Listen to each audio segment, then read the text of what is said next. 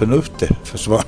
Och den här liksom att tänka klart, det bara inte fungerar då utan det, där, det där med passionen det var, det var så viktigt. Och det var så starkt så man, man kunde liksom förklara för sig själv längre att det där, vad håller du på med? Det säger trubaduren och underhållaren Håkan Sträng. Programmet heter Samtal om livet och mitt namn är Ann-Sofie Sandström. För ett par veckor sedan satt jag på ett café i Jakobstad. Vi borde bredvid satt en gråhårig man som såg lite bekant ut. Det liknar Håkan Sträng, tänkte jag. Men han bor väl inte i Jakobstad? Jag minns Håkan Sträng från tidigt 70-tal när han var med i Jutbacka teater på somrarna. Han spelade alltid huvudrollen medan jag hade en kort och blygsam karriär som statist.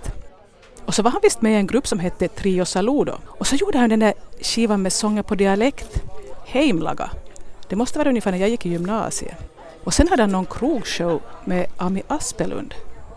Och det minns jag att när jag flyttade hem till Österbotten i slutet av 90-talet så då uppträdde han tillsammans med en latinamerikansk kvinna som också var hans flickvän. En av fördelarna med det här jobbet som jag har är att man får vara nyfiken. Så istället för att fortsätta fundera om den där mannen var Håkan Sträng så gick jag fram och frågade. Det var Håkan Sträng. Följande fråga var om han kunde tänka sig att stämma träff för att spela in ett radioprogram. Det kunde han, men det visade sig att han var ganska upptagen så enda möjligheten var att göra inspelningen genast. Så jag hämtade min apparat och medan vi förflyttade oss till det som jag hoppades att skulle vara ett lite lugnare café så fick jag redan veta att Trio Saludo fortfarande finns i någon form, att Håkan Strängs pappa blev 102 år gammal, att Håkan som bäst håller på att renovera sitt barndomshem tillsammans med sin nya fru, som inte är den utländska kvinna han turnerar med i slutet av 90-talet.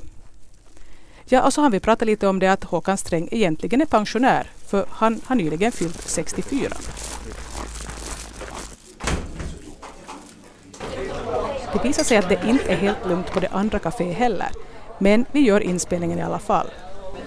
Hej och hå Ljungman Jansson. Redan sjunger morgonvinden i det. Hallå, jo, alltså det är test. Tar inte med det här. För.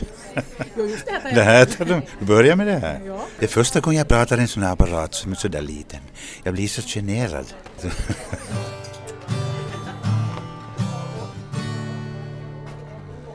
Varifrån började du nämnde här att du, hade, att du håller på att renovera ett eh, något barndomshem här i Jakobstad nu. Ja, alltså jag är ju, jag är ju riktigt inbiten i Jakobstad. Det kommer att bli något annat för jag är ju född och uppvuxen här och, och har fortfarande min barndomsvilla kvar i Fäboda tillsammans med mina bröder. Men det där, nu då, min pappa då, 102-åring, han bodde i sitt hus, han blev vid, vid Nyperm och frontmannaområdet ända tills han blev, ja, tills han, tre veckor före sin död. Men hans, han, de här senaste åren höll han ju på då att han såg att jag är en duktig hustru som kan och vill mycket och kan till och med renovera och inreda och sånt där, så han tyckte att det skulle vara så skönt, skönt att gå härifrån om man skulle veta att, att ni skulle ta över det här huset. Så jag kunde ju inte liksom låta bli att lova. Och, och, nu nog börjat inse att det, det var nog rätt beslut. Att vi trivs nog faktiskt riktigt bra. De blir väl så småningom som lite äldre pensionärer då Jakobstadsbo på, på riktigt. Men än så länge är vi då raseborgare. Men alltså hurdan, hurdan var du när du var barn då? Hurdan sorts pojke var du när du växte upp? Jag var ju nog en sån här sångare då den. Jag träffade här för något, ja det är inte många år sedan som jag träffade en gammal god bekant som, som också var en sån här, det fanns de här barnfesttanterna i Jakobstad som, en viss grupp som skötte om det där. Varje år så skulle det vara barnfest. Och hon sa att, vet du vad, att inte börja. Du, din karriär som tioåring som de brukar säga på radio, utan du började faktiskt som femåring. Du gjorde succé då redan på barnfesten med någon sån där liten rolig sång och jag minns inte vad det var för sång. Har du minne av det där att du gjorde det? Jag minns inte, då hon berättade så kände jag på mig nog att jag har en någon sån här riktigt eh, diffus bild av att jag stått på scenen i, Jak- det var Jakobstads sammuseum, måste det ha varit. Ja, nu kan det ha varit Brankoshuset. Jag har nog alltid varit väldigt, väldigt utåtriktad ända sedan liten, liten pojke. Och det är nog kanske nog min mammas förtjänst eller fel ska vi säga, för hon var teatermänniska sjöng i kör och spelade teater och, och det där. Hon såg i sin, sin so, lilla son då att det fanns liksom den här viljan av att stå upp framför folk och, och bjuda på sig själv. Hon såg det redan då jag var liten. Så hon tog mig alltid med till Martaföreningens, kanske nu inte alla möten med fester och, och då de hade någonting och, och jag, där lärde jag mig att dansa på deras tillsammans med mamma på festerna vet du. Och hon hade mig att uppträda där. Det kommer många vartor ihåg ännu fortfarande jag drog. Hon hade klätt ut mig till en negress med stora bröst och grejer. Jag var väl tio år då något sånt där. Då gick, det var en populär låt som gick väldigt mycket i radio då från Sverige. Fat Mammy Brown med Brita Borg. Och den där, den där hade hon med och härmade, vet du. Fat Mammy Brown, the biggest girl in town. Det är ett obegripligt smeknamn men jag är stolt ändå, vet du. Så det där, det där blev liksom nog min, ska vi säga, språngbräda mot, mot det där målet som jag hade att jag, jag ska nog, jag ska nog bli, jag ska nog bli artist, ja. Och, och då i synnerhet samtidigt så kom ju den här Robertino Loretti, han som, som blev världsberömd med sin eh, pojkröst och Sole Mio, vet du, det, jag ska bli likadan som han. Vet du. Så jag, jag, var, jag var så målinriktad så att jag fick, jag fick ju till och med sjunga den här då i riksradion i Helsingfors, Sole Mio, vet du. Och de tyckte jag är lika bra som Robertino. Men alltså var det så att, var din mamma själv som hon uppträdde? Och... Ja, ja hon, var, hon var då tidigare så länge, så länge det där hon inte jobbade måste börja jobba då, då jag var ungefär fem år gammal så måste hon börja jobba för min pappa blev så sjuk då, fick ledmagsreumatism och det där, då hade vi inte råd att hon skulle vara hemma längre. Så då, jag såg inte henne sen spela teater men hon lärde varit väldigt duktig för det. Och sen, sen just det här att jag tyckte om att spexa på diamant. hade mig med. Så jag har nog hållit på. Sen var jag ju då som 11-12-åring så var jag solist i dansorkestrar här i Österbotten så du åkte omkring på dansbanor när du var 11-12? ja, inte kan jag vara nog mycket äldre inte. Var det Edfeldts orkester var den första, så var det Alexanders. Så fick jag en egen Wallendalsorkester då som då, det var nog hans namn vi använde då. Men jag brukar kalla att det var min egen orkester, därför vi jobbade så länge ihop då, ända tills jag blev mer eller mindre, mer eller mindre utflugen från Jakobstad som studerande. Vart for du alltså då? Ja, studi studierna i Åbo akademi. Jag skulle Förstås skulle jag ju bli antingen då studera vid Sibeliusakademin eller Ateneum, jag var väldigt bra att teckna och sådär. Så mina föräldrar tyckte nog enkla människor och sådär arbetsglada människor som, som vanliga. Min mamma var sjuksköterska och pappa var arbetsledare på Wärtsilä. Tyckte att ska det vara något sånt här ordentligt yrke du ska ha först för inte kan man försörja en familj på att vara musiker eller jag skulle ha ett riktigt arbete. Så att fara nog till Hanken som din bror, det gick ju bra för honom där. Att det där om det nu sen då visar sig att, att det där du fortfarande vill sjunga och spela eller vara konstnär så då får du göra vad du vill, du får en examen först så du kan liksom... Så gjorde jag. Men då, då kom jag ju underfund med att det, här finns ju så mycket möjligheter. I, I Åbo finns mycket storföretag där och inom akademin har man ju sina kontakter till företagen och i synnerhet då i handels, Handelshögskolan. Så, så det där, jag fick ju ett stort kontaktnät ändå som ville ha mina tjänster som sångare. Tror var du där på fester och saker. Så, så jag behövde ju inga studielån. Jag, jag sjöng mig genom studielivet. Så. Och för att jag tog en rätt så hög examen då på den tiden. Tänkte fortsätta till och med att börja forska. Anmälde mig för doktorstudier med, med min professor. Han sa att nah, jag tycker nog att Sträng skulle tänka om för jag har sett Sträng på scen och det är nog, det är nog hans plats. Jag tycker inte att det skulle vara någon fördel att vi skulle ha honom och damma igen här på akademin. Så, Så det var, han ville inte ha mig. Men det där med sommarteater i Nykarleby då? Jag var gift med, med det där Brita Herler och Herler ju Nykarlebybor. De hade villa nere vid Andra sjön och vi skaffade villa där vi också. Där vi var, hela somrarna var vi där. Så att, Men var det så att ni bodde i Vasa då när du blev färdig med studierna och du ja, ja. gifte dig? Och... Ja, ja. Jag har bott 20 år i Vasa. Vad, vad ägnade du dig åt? Var det musiken du levde på eller tog du något jobb inom det, här ditt, ditt, eh, det område du studerade? Jag hör nog till de få utvalda i vårt Svenskfinland som har kunnat försörja sig hela livet på, på sång och musik, eller som trubadur kan man ju säga. Det är varje trio sträng, mer ståliga gitarrer.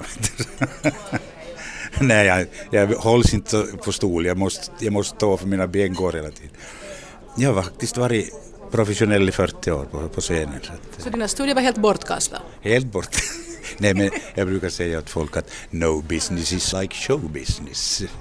Men att i, i vårt land kan du inte bli rik som, som trubadur eller förtjäna något större pengar som, som trubadur för att om du envisas med att ha din profil som finlandssvensk profil att du skulle måste under fem års tid så jobbade jag ihop med Ami Aspelund på då gjorde vi krogshower.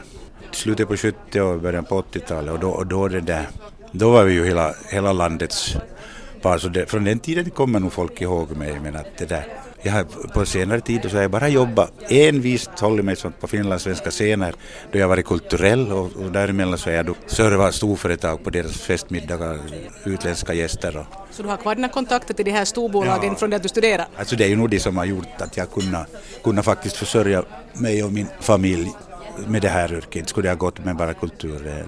Ja, jag, jag känner faktiskt ingen, ingen åtminstone i svensk Finland som, som skulle ha vågat satsa fullt, fullt som på, som, som trubadur eller så ska vi säga helt på musik utan att göra, ha något annat jobb på sidan. Men, men det där, då det 40 år har gått, då börjar det nog kännas som att eh, nu ska jag vilja göra något annat också. Och hinna göra någonting annat. För att det där, nu finns det ju andra intressen förstås. Jag tycker hemskt mycket om att skriva och den där dikta och sådär. Så, så, och jag får ju dikta i min, min, mitt jobb så att jag gör ju mycket egna visor. I något skede när vi pratade så nämnde Håkan Sträng att han också brukar förekomma i kristna sammanhang. Alltså är det så att du har haft någon sån omvändelse i något skede i ditt liv att du har blivit kristen eller är du från en kristen familj så du alltid har varit? No, inte har vi, kan man säga att vi, vi har varit någon speciellt kristen familj. Vi gick ju sådär som vanligt folk i kyrkan alltid vid helger och sådär och läste aftonbön och sådär med mamma men, men inte, inte speciellt nu är det sen 74 kan man väl nog säga att jag har varit aktivt kristen sådär så att jag deltar också i församlingssammanhang och sådär om det behövs, om det finns behov och man vill ha mig och, och jag gör också egna andliga visor också för att eh, jag tycker det är en sån här, ger mig kraft att orka med det andra också då jag, jag liksom känner att jag har ett rygg i min egen situation och min egen själ sådär. Så. Var det något speciellt som hände då kring 74 som fick dig att mer aktivt liksom börja engagera dig i det kyrkliga? No, nu, var det, nu var det ju saker och ting, man hade gjort bort sig ganska ordentligt. Och, och det där. På vilket sätt? Nu blir jag nyfiken. nu blir du nyfiken. Ja, det hade, hade ju med, med sådana ungdomliga förseelser att göra som man misstag. Det hade lite, fanns väl kanske lite alkohol med i bilden och sådant. Men det där, det fanns ju, fanns ju tillfällen då man nog inte gjorde sådana saker som man, som man borde ha gjort och det, det gick ju också ut över dåvarande hustrun i viss mån och då fick jag ju liksom sån där blixt från en klar himmel kom, kom just där vid, det skulle ha varit min först, första äldre son hade fötts då, så då hade jag hade en sån där upplevelse om att nu får det vara slut definitivt med det här. När det slarvas i? När det slarvas i. Nu, nu, det där. nu ska jag bli en, en pappa som in, någon son behöver skämmas över. Det där. Men det är inte ganska vanligt att det här, i det här musikerlivet att man rantar runt mycket, man är ute på kvällar så att det finns både alkohol och vinkvinnor och sång typ? Ja, ja, alltså det är ju väldigt, väldigt farligt yrke på det sättet att det, det, det är så lätt tillgängliga de här frestelserna fast man inte ens söker efter dem själv så är det ändå, det kommer de ändå, det bara faller över en och det är så många som, som på något sätt är fixerade vid just artister speciellt. Då. Men jag lärde mig att säga nej och att ta avstånd då, då jag bestämde mig att nu får det vara slut. Så jag var faktiskt gift i 25 år utan att röra vid någon annan kvinna. Så att nu, men sen får det då, 50-årskrisen är ju sån som, som alla. Vad innebar din 50-årskris då? No, det är ju den här vanliga, sedvanliga att man, barnen är stora, de har sitt eget liv, man tycker man tar någon uppgift hemma och hustrun har också då kanske börjar söka sig allt för mycket utåt med egna intressen och självförverkligande och allt det där. Man tycker man är totalt onödig i sammanhanget, har ingen funktion. Jag menar, man har ändå också varit, som på den tiden hade jag 200 resdagar per år så att jag var inte så mycket hemma annars heller. Så när man kommer hem sen så man tycker liksom allting rullar utan mig totalt liksom oberoende av mig. Så det är klart att man, man känner sig lite faktiskt ut, ganska mycket utanför och sådär. Och, sen har man då den där kanske i ryggraden, det där med att åldrandet är, är någonting. Månne jag har någon dragningskraft kvar överhuvudtaget. Så då måste du testa det då? Nej, det var inte jag som måste, utan det föll också då över mig. Jag var inte aktivt ut, absolut inte aktivt ute och sökte efter någonting. Men, men det bara hände och så, så var det dessutom i, i, så pass intressant och exotiskt det har alltid varit lite exotiskt sådär fokuserad, ju i och med det med latinamerikansk musik och allt sånt. Och då är det en latinamerikansk kvinna som sjunger som en ängel och dessutom vill vara ihop med, med mig. Var träffade du henne då? Nej, det var på en, första gången på en visfestival i Umeå faktiskt. Så det här blev nog ett, ett ganska tufft fyra ett halvt års äventyr som nästan tog kål på mig på grund av, av att det, det, var så mycket konfliktfyllt i och med att jag, jag var ju fast besluten, jag som då för 25 år sedan att, att det, andra må skilja sig, andra må göra de där misstag men jag kommer nog aldrig att falla i den där gropen. Så att det liksom, det var, jag höll ju på nog att bli allt tokig där. Men alltså menar du att du själv inte skulle vilja skilja dig fast du redan hade hittat den här andra kvinnan? Nej, nu, nu, nu var jag så pass passionerat förälskad så att nu var det väl närmast tanken också att jag skulle bo ihop med henne. Men att hon var ju bara någon, någon månad här och så var hon tre månader i, gick på Kuba och så var hon här igen i månad. Jag vet. Och jag, och jag reste ju dit förstås under de tre månaderna. Var där någon. Men var, var bodde du på den tiden då? Jag bodde i Ekenäs då också. Ja, ja, jag flyttade 98 till Ekenäs. Men jag var ju då två gånger i året var jag ju på Kuba, i Havanna då närmast. Både höst och vår, en månad ungefär. Så jag bodde där då. Men att det var också en sån där väldigt svår situation för att hon var ju, hon var ju gift. Och jag skulle gömma mig där på kön, vet du, mer eller mindre så, bland släktingar och andra vänner. Det var, var ju det där äktenskapet höll ju på att krascha, inte var det fråga om det men det var det som var orsaken från hennes sida. Men, men att det där, just det där, att man inte ens där då kände sig bekväm så, så det där, det var svårt. Men ändå skulle jag dit. Det var ju en verkligen beklämmande situation. Man tänker på det efteråt. Men man var ju så pass hon var så pass förvriden på en som jag gick med på nästan vad som helst. Skulle jag ju i dagens läge kunna gå med på någonting sånt där. Det var liksom huvudlöst på något sätt. Har du lärt dig spanska på det då åtminstone? Ja, åtminstone lärde jag mig spanska så vi klarar oss utan några större grodor med trio saludo nu. Men det, allt, ingenting ont som det för något gott med sig, brukar man säga. Ser du det nu som någonting ont då det som hände, att du liksom träffade henne? Eller var det jag följde det ju säkert en funktion för, för inte, inte vet man ju liksom, jag menar utan den där parentesen i mitt liv så skulle jag ju inte då träffa min nuvarande hustru så att på det sättet hon, hon har ju liksom definitivt gjort bara gott åt mig. Så att det, jag frågade om Håkan Sträng har lust att berätta hur han träffade sin nuvarande hustru. Jag var sjöng på en, på en tillställning i Helsingfors, det var ett cocktailparty på marknadsföringsinstitutet. Var det, hon var inbjuden dit från sitt företag. Och så gick jag omkring och sjöng, det var en cocktail, man gick ju omkring då och sjöng för folk. Det var, var inte uppträdande på någon scen utan och så kom jag till hennes sällskap som stod där för sig själv och så sjöng jag, sjöng jag serenader för flickorna och så kom jag till henne och frågade vad heter du? Ja, jag heter Ulla. Så sjöng jag nog Ulla min Ulla, en Bellmans för henne då. Och det hade sjungit färdigt så säger hon, vet du att jag dansar med dig ja? Va? Var då? När då? Jo, i Forsby. Jag var 17 år gammal och då var det säkert 20 någonting. Mina kamrater frågade mig, vet du vem du dansar med? Något? Nej, sa hon, det var ju Håkan Sträng. jag tyckte det var så roligt. jag gick vidare och sjöng lite för andra så kom jag tillbaka och så vi pratade vi vidare så fick hon höra att jag var skild. Och så får jag ännu ett varv runt och sjöng åt andra så kom jag tillbaka igen och så jag var så glad och hade så intressant diskussion mellan sångerna där. Då, så frågade jag, är du ledig? så sa hon, ja. Hon hade också skilt sig då. Men hon, hon var ju nog väldigt tveksam i början för att jag, det där, jag var så fast vid det, i tanken med det där förra ännu att man bara ville, man skulle vilja fara tillbaka dit till Kuba och, och det där, hon liksom försökte bromsa ivern att jag skulle, och hon det där gick hos sin egen personliga rådgivare och den där och berättade detaljer om mig och de kom underfund med att jag är för bra karl för att låta gå under. Att, att jag ska, måste tänja på mig nu. Hon lyckades faktiskt få mig att det där riktigt så att säga ta mitt förnuft och min vilja att gå vidare till fångas. så det där. Bara två år efter vi hade träffats så gifte vi oss. Det var jag som frågade. Det var inte hon som behövde fråga. Jag sa, vill du gifta dig med mig?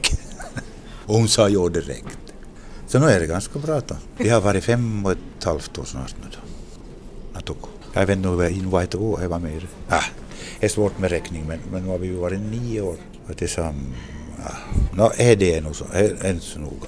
Men att man håller reda på bröllopsdagen måste man. Många gånger brukar det vara så att när folk då har haft ett långt äktenskap och kommit ur det under dramatiska omständigheter så brukar du inte vilja gifta sig på nytt men att du hade något sånt att du tänkte att, att man kan bo ihop eller sånt utan du var villig att satsa en gång till och gifta dig?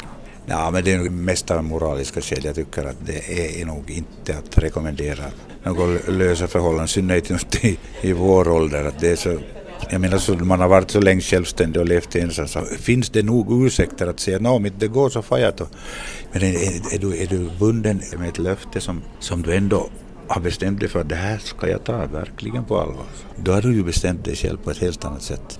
Och det, det kommer jag nog aldrig att, kunna tänka mig något annorlunda. Men då när du färdades till Kuba så kunde du tänka dig att ändå ha ihop det med en kvinna som var ja. gift med någon annan? Ja, det, var, det var en sån här, ska vi säga, ett... Eh, nu, nu var det ju någon form av... Man blev febril. Alltså, inte kan ju säga kalla man för förtrollning, men det var något som gjorde att liksom förnuftet försvann. Och den här, den här liksom att tänka klart, det bara inte fungerar då, utan det, här, det där med passionen, det var, det var så viktigt. Och det var så starkt så man, man kunde inte, det gick inte att hantera den med förnuft. Man kunde liksom förklara för sig själv längre att det där, vad håller du på med? Utan det, var så mycket starkare än andra rösten som, som drog dit hela tiden. Men du hade inte kompisar och goda vänner som, ja. som knyckte i dig lite som att hej, att, vad gör du riktigt här nu? Ja, jag hade en par stycken som vågade säga direkt ut men inte trodde jag på dem heller som just sa något med hörde det blir inte någonting, hon utnyttjar dig bara. Var det så? No, nu kan inte... Det, vem utnyttjar vem? Just det, nu var det Alva från båda hållen, verkligen från första, det, det var det säkert. Men, no, ångrar du det där tilltaget då? No, nu ångrar jag förstås tilltaget i, i och för sig, men, men att själva erfarenheten så, så tror jag nog har gett mig ganska mycket ny näring för att, ska vi säga, hantera verkligheten i fortsättningen. Så att jag vet att, att man har fått de många erfarenheterna av dåliga saker inom det där, i det där förhållandet så gör ju, gör ju att, att det där, du gör säkert inte om det på nytt. Du har, har möjlighet att värja dig för, för så att säga ondskans tilltag. Du, du lär dig att lyssna till rätt sorts röster. Så det, jag menar, det finns så mycket sätt att förvira huvudet på människan idag så att det är helt otroligt. Så om inte du är vaken och håller dig vaken och liksom verkligen skärpt så faller så lätt som helst. För jag var ju så fast besluten, aldrig andra må men inte jag, men det bara hände. Och då händer det just så här på det sättet, du kan inte bara göra något. Som en, som en blixtsnägsla, du vet, då ser en blixten ner ett träd. Hur ser det ut efteråt? Det är bara helt förstört liksom. Och det var precis det var jag, vad jag var. Men jag liksom var så det paniskt fast besluten att jag ska överleva ändå och just på det sättet som jag nu är. Så just att mina rötter är kvar, de ska ändå växa, växa det där och, och på något sätt överleva. Det var Ulla då som räddade dig från dig själv egentligen? Ja, räddade mig från mig själv, det var bra sagt, ja det ska jag påpeka för henne. Men det där, det måste vara en verkligt intelligent kvinna som tar hand om ett sådant fall, nästan en psykiater. Du talar om dig själv som ett fall? Det var, jag var ett fall då alltså. Hela det där året som det var så bedrövligt så att det där jag gick nog på dagpenning då. Inte klarade jag något. Så jag, att komma ur det där och komma in i någonting nytt och, och försöka med förnuft istället för hjärta tänka igenom saker och ting. Hur man ska kunna så att säga överleva. Så det var, det var in, det där som pers att eh, liksom, jag hade inte något till övers då för, för att då du uppträder och står framför människor så måste du kunna tänka, det är för dem du är där. Du är där för att de ska ha trevligt, de ska få en upplevelse med sig hem. Och när man känner att man, är, man inte kan ge det där, så måste du hålla det borta. Fast sökte du, sökte du liksom hjälp på något vettigt sätt eller gjorde du som den finska mannen och tog till flaskan eller sökte du hjälp på mentalvårdsbyrån? Menar... Flaskan var ju förstås i början där men, men sen gick jag ju faktiskt hos både psykiater och psykolog och då fick jag ju ordning på, på den biten också. Med men det är tydligen att det är ett ganska stort steg för många finländska ja. män att faktiskt inse att hej, jag behöver hjälp. Jo, jo, men det var hon liksom som fick mig att förstå det. Puffa på, inte vet jag om jag ska ha kommit själv. Vet du, nu är man så pass stolt att ändå, trots sig det. det är så. Nu hade jag ju det på, på tungan för, mig, för min egen räkning också, men att just att hon puffar på så och kunna komma med förnuftiga argument som hon är så väldigt bra att argumentera, tala för saker som är, som är en fördel att välja. Då. Hon är nog det finns inte i min bekantskapskrets någon som jag skulle lida så mycket på som på henne. Så på det sättet har jag ju haft, det var en viss, viss ledning. Jag kallade henne för en sån där, det var en ängel som sändes i min väg där i början. Det kändes nog nästan så för att vet jag vad jag, var jag ska ha varit där annars. Nu är jag ju fullt, varit full, full rulle här de senaste åren. Jag har haft så mycket jobb som, som jag inte tycker jag någonsin har haft. Nu har jag fortfarande det.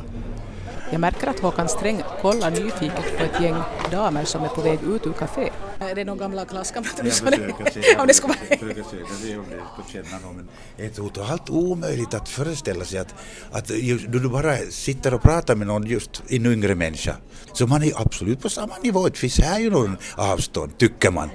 Och sen går man, går man ut och ser sig i spegeln så vi, nej men, är det där jag?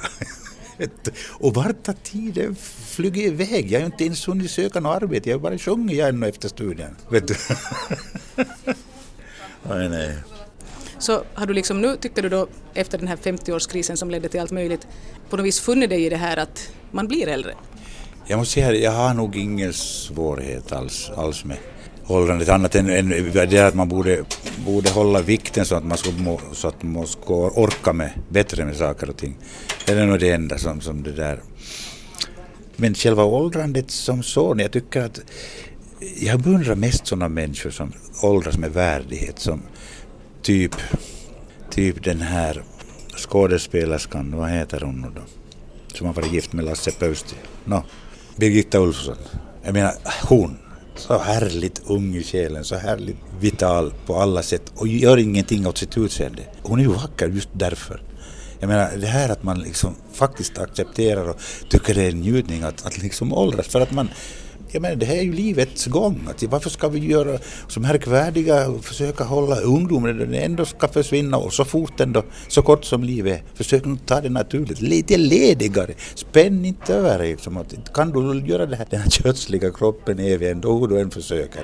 Det är bara ett, ett instrument som du har, en, en bostad som du har för tillfället så här nu bara. Varför ska vi göra det så svårt för oss? Inse att livet är så här. Håkan Sträng berättade före vi började den här inspelningen att han fortfarande uppträder men att han också är pensionär. Jag har ju fått till och med pension från staten. Statlig konstnärspension fick jag ju, jag fyllde 60. Men nu har jag arbetspension då från februari i fjol. Och, det och där, jobbar du på? Ja, jag, jag, alltså det är, jag förstår inte vad det, vad det är som gör att, att jag inte förstår själv. att säga. Men nu är det ju det där att man i och med att jag håller på att renovera ett hus och vi tycker om att resa, resa tillsammans och där nu behövs det är ju de där extra pengarna. Så att nu har vi ju behövt det här med mitt extra arbete nu och jag själv, då jag själv har tyckt att det har varit meningsfullt att göra tybel, just att vara representera sitt land i, i sådana sammanhang med, med utländska utländska företag i sina festmiddagar och utländska gäster. Så det, det, det är nog väldigt stimulerande. Så det, det, kan jag nog tänka mig att jag inte riktigt slutar med i första hand om det erbjuds tillfällen och de betalar bra dessutom. Så, så det där. Men just den här, nu kommer jag ju att hålla mig borta från det, det mesta av sådana här kulturella uppdrag. Nu gör jag väl det nu. För att det, det, tar så pass mycket, det kräver så pass mycket. Jag menar, för varje år du vet, publiken förväntar sig, han ska vara helst lite bättre än han var senaste gång. Och han ska, han ska ha samma energi som han alltid har haft. Och sen, sen själv då, ska man har man samma ambition. Man skulle ju vilja utvecklas själv också. Och då har man fysiska begränsningar som nu, den här armen ska jag operera nu här nästa tisdag. Och, och vet du, det är min gitarrarm, den, jag har ett arbetsskada, jag spelar 40 år gitarr, samma rörelse, den har gått av min senare slits av, som det är samma rörelse hela tiden. Är du liksom sådär överlag nöjd med livet tycker du?